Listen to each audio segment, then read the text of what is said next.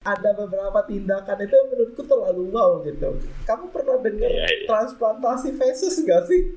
Wah, pernah lah. Hebat itu. itu kan Tapi, tapi itu kalau di di sini udah mulai ini nggak sih digalakan apa di apa prak praktiknya udah ada banyak di sini. Kalau di sini sih belum di Indonesia belum begitu ini masih masih lebih ditekanin di probiotik prebiotik masih Prebiotik ya, ah. belum sampai transplantasi. ya. belum sampai transplantasi tapi kan di Bayangin aja geli aku.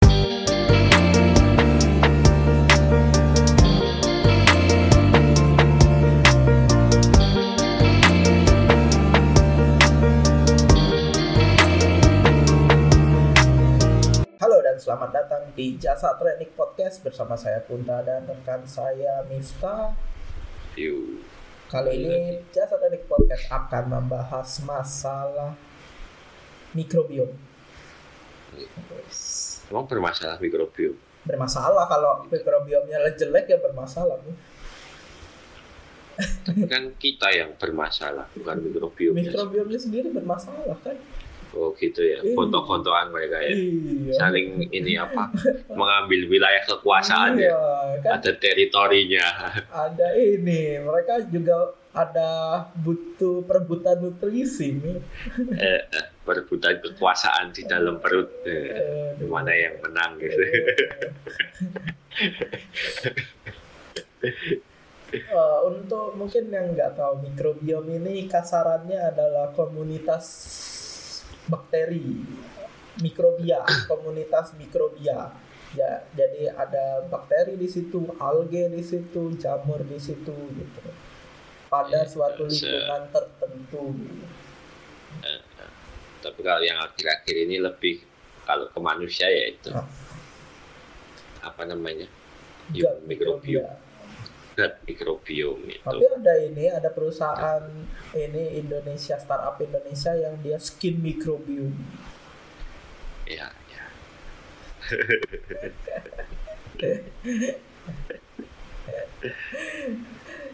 kan kan eh, ya kalau kamu baca inilah apa news science news apa jurnal-jurnal yang baru-baru kayak gitu hampir seluruh penelitian itu fokusnya kan dua ya kemarin yang kita udah bahas minggu lalu Iya. reverse aging sama yang satu ini mikrobiom Mikrobiom. Sampai skip-skip aku kalau baca mikrobiom. Cenderung. itu hampir semuanya itu ya memang lagi populer kali ya karena kita Hmm. akhirnya sadar bahwa kita itu dikendalikan oleh mikrobia Iya. Malah kita sosok mengendalikan kita Iya. sekarang. Oh iya, sosok kita mau mengendalikan mikrobiom Padahal kita yang dikendalikan.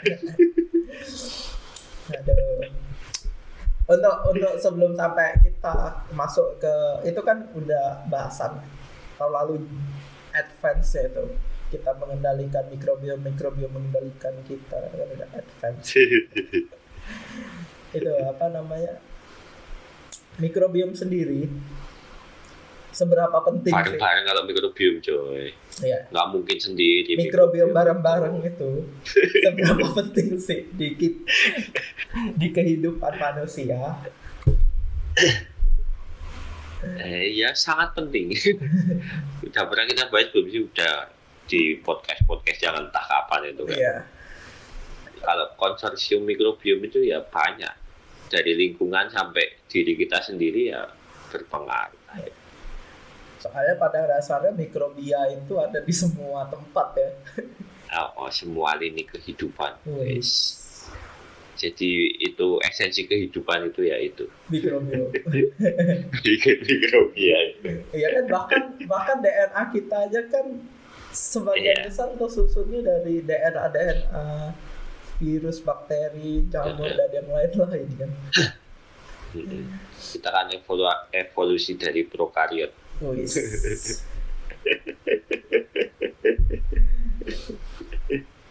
Tapi kita nggak pro-pro amat sama si karyot. Mm-mm. Kita kontra kariot. Buktinya kita suka nge ini nyala-nyalahin si prokariot itu kalau menyebabkan penyakit kita salah-salahin. Iya. Kita bunuh-bunuh. Padahal dia lagi balancing gitu lagi sepuring lagi balancing gitu kan ya.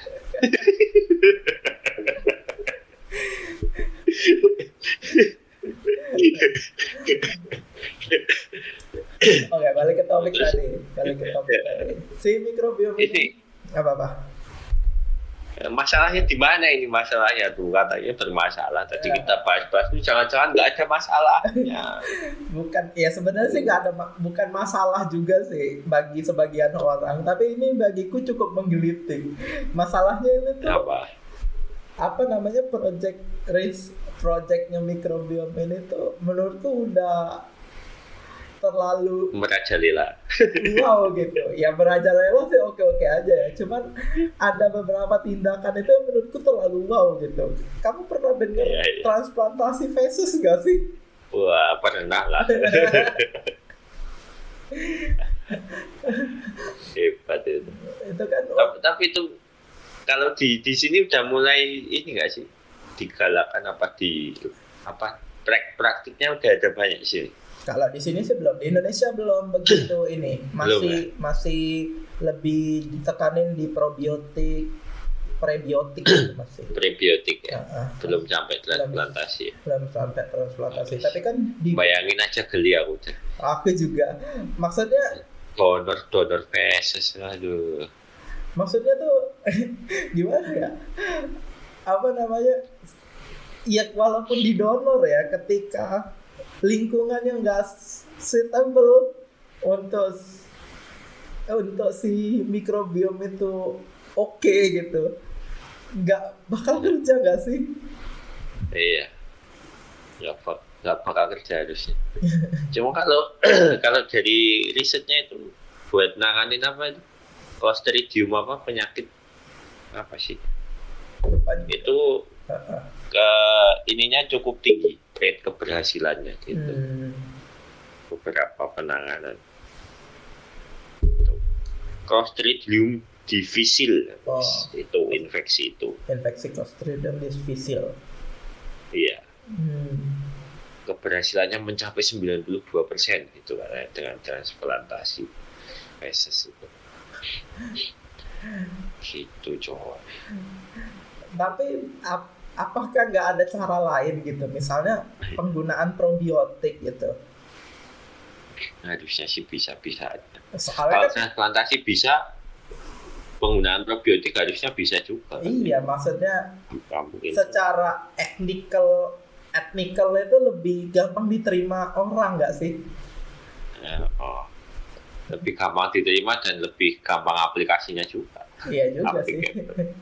Ya, oh jauh lebih gampang. Karena kan kalau misalnya probiotik kan sekarang kan udah banyak ya teknologi probiotik kan nggak cuman kayak salah satu probiotik yang kita tahu Yakult lah.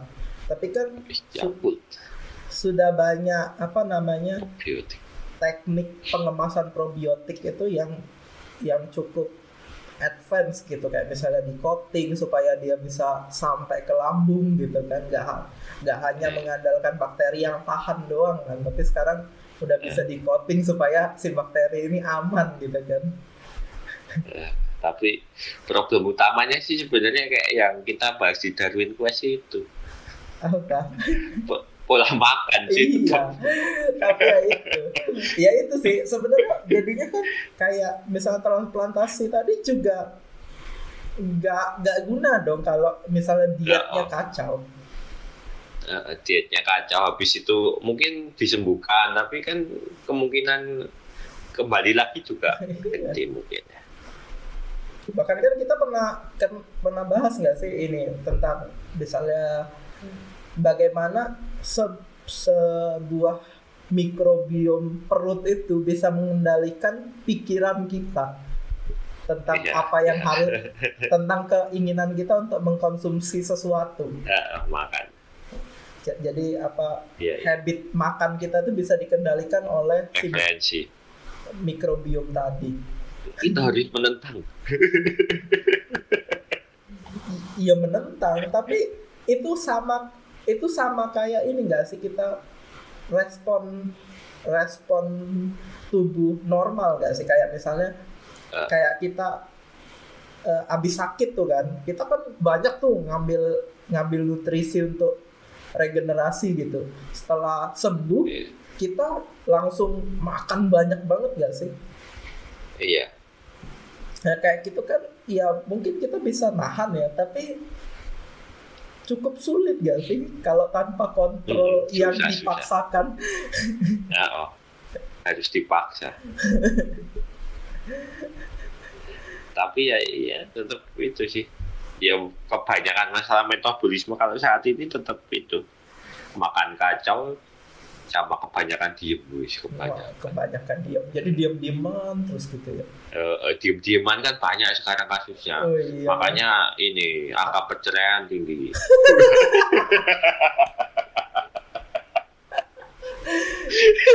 Sampai situ juga. Gila luas banget ya cakupannya mikrobiom kan dia lagi jadi tren penelitian sekarang ya penelitian biotek sekarang tuh fokusnya di Mikrobiom. Setelah ditelusur ternyata impactnya cukup besar Iya. mikrobiom.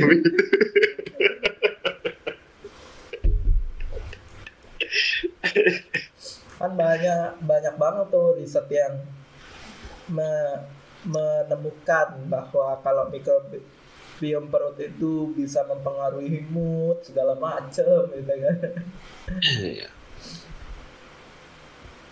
ya yang yang apa kebanyakannya sekarang kan tentang penyakit penyakit itu kan treatment penyakit dari Iya. mikrobiom itu sendiri kan teorinya teorinya.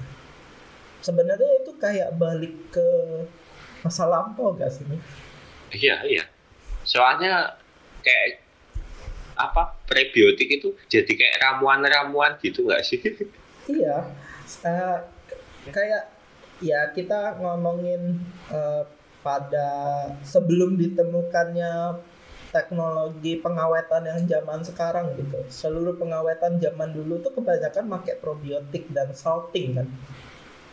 iya eh salting probiotik Jadi kayak kebanyakan kan laktofermentasi kan dari zaman dulu tuh.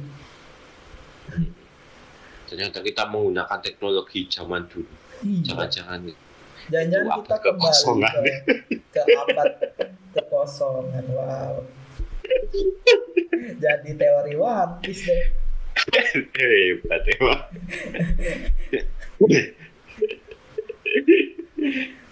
Gimana tuh? Mhm. Tapi gini, Mif. Eh, apa namanya? Ada memang banyak ya riset-riset tentang itu kayak gitu. Bahkan sudah sampai dia bikin produk gitu ya. Bikin produk misalnya Iya. kayak pengendalian jerawat dengan memanfaatkan komposisi mikrobiom di kulitnya gitu kan. Tapi sejauh ini keberhasilannya masih cukup rendah. ya Itu Dikatakan ya? bukannya eh, kalau kalau menurutku bukan karena risetnya yang kurang sih, tapi menurutku itu kan kita ngeriset itu pada saat tertentu kan, sedangkan mikrobiom itu berubah seiring kondisi dan keadaan dan waktu Mhm. kan. Mhm. sesuai moodnya mikrobiom juga Iya. Bahkan tiap tiap detik berubah itu Mm-mm.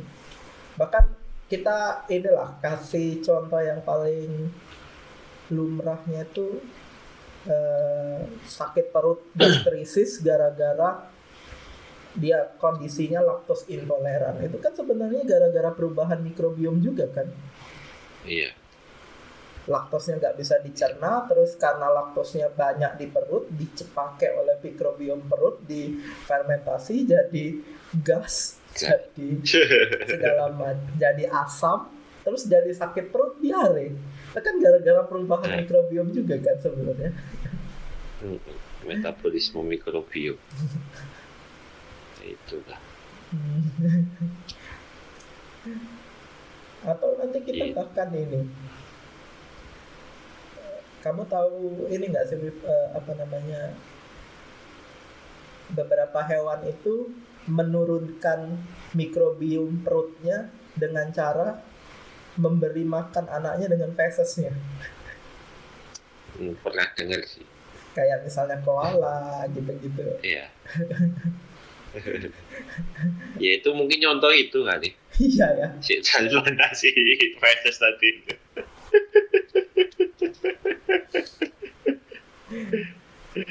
Tapi ya itu Teknologi lihat fenomena fenomena. il fenomenal. Menurutmu bakal bertahan berapa lama ini? Riset bakal ngetrennya si microbiome ini Masih lama sih. lama banget ya mas ya. Masih baru soalnya.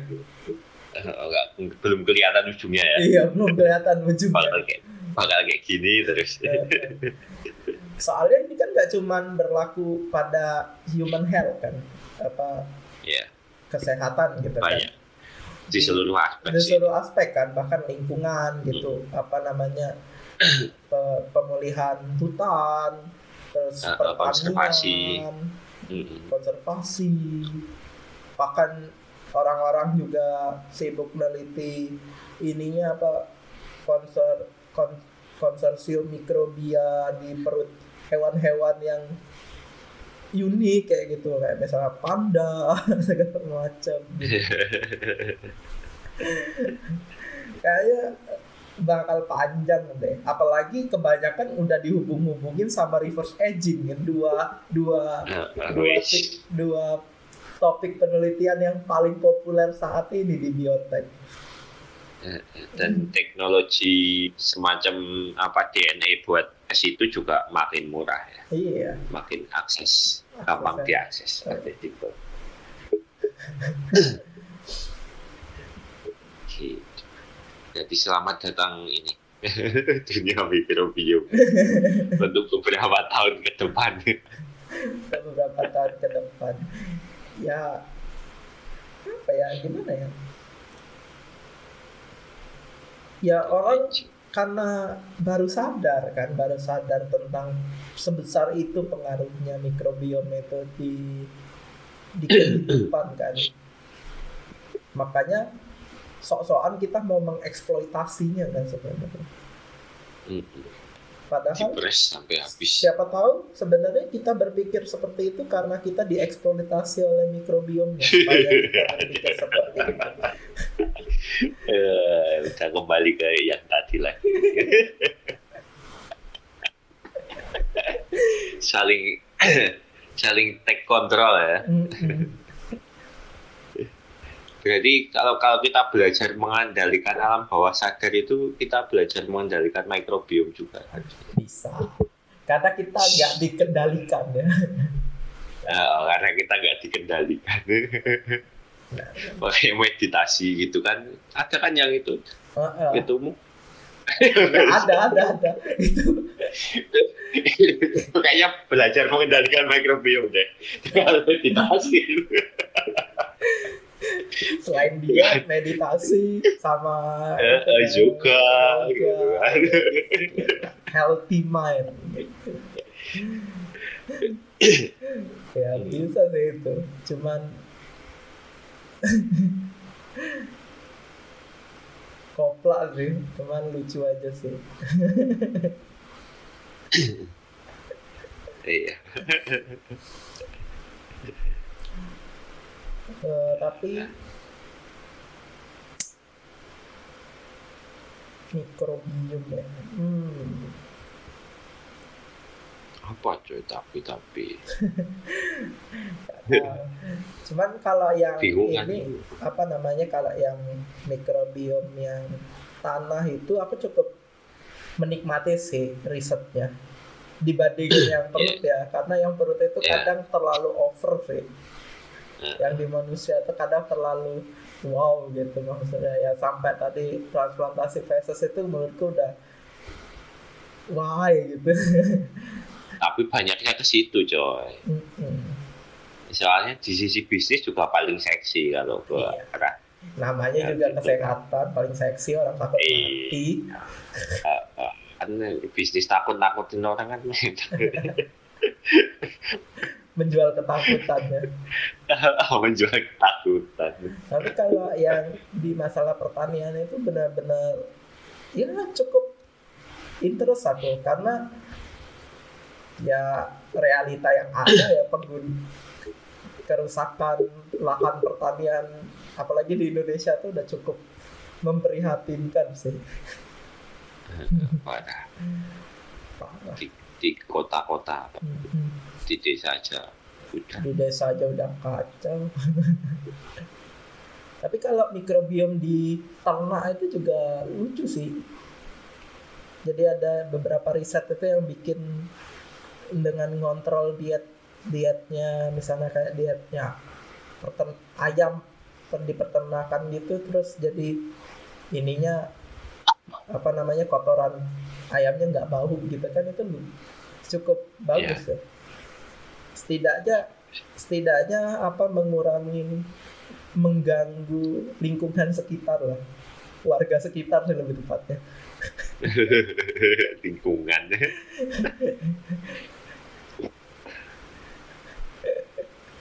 Oke lah kalau begitu mungkin inilah cukup lah untuk bahasan mikrobiom. Aku udah dikendalikan mikrobiom. Perutku untuk stop jasad Red podcast kali ini. Saya Muta dan rekan saya Miftiman sampai jumpa di jasad Red podcast berikutnya. Bye bye bye bye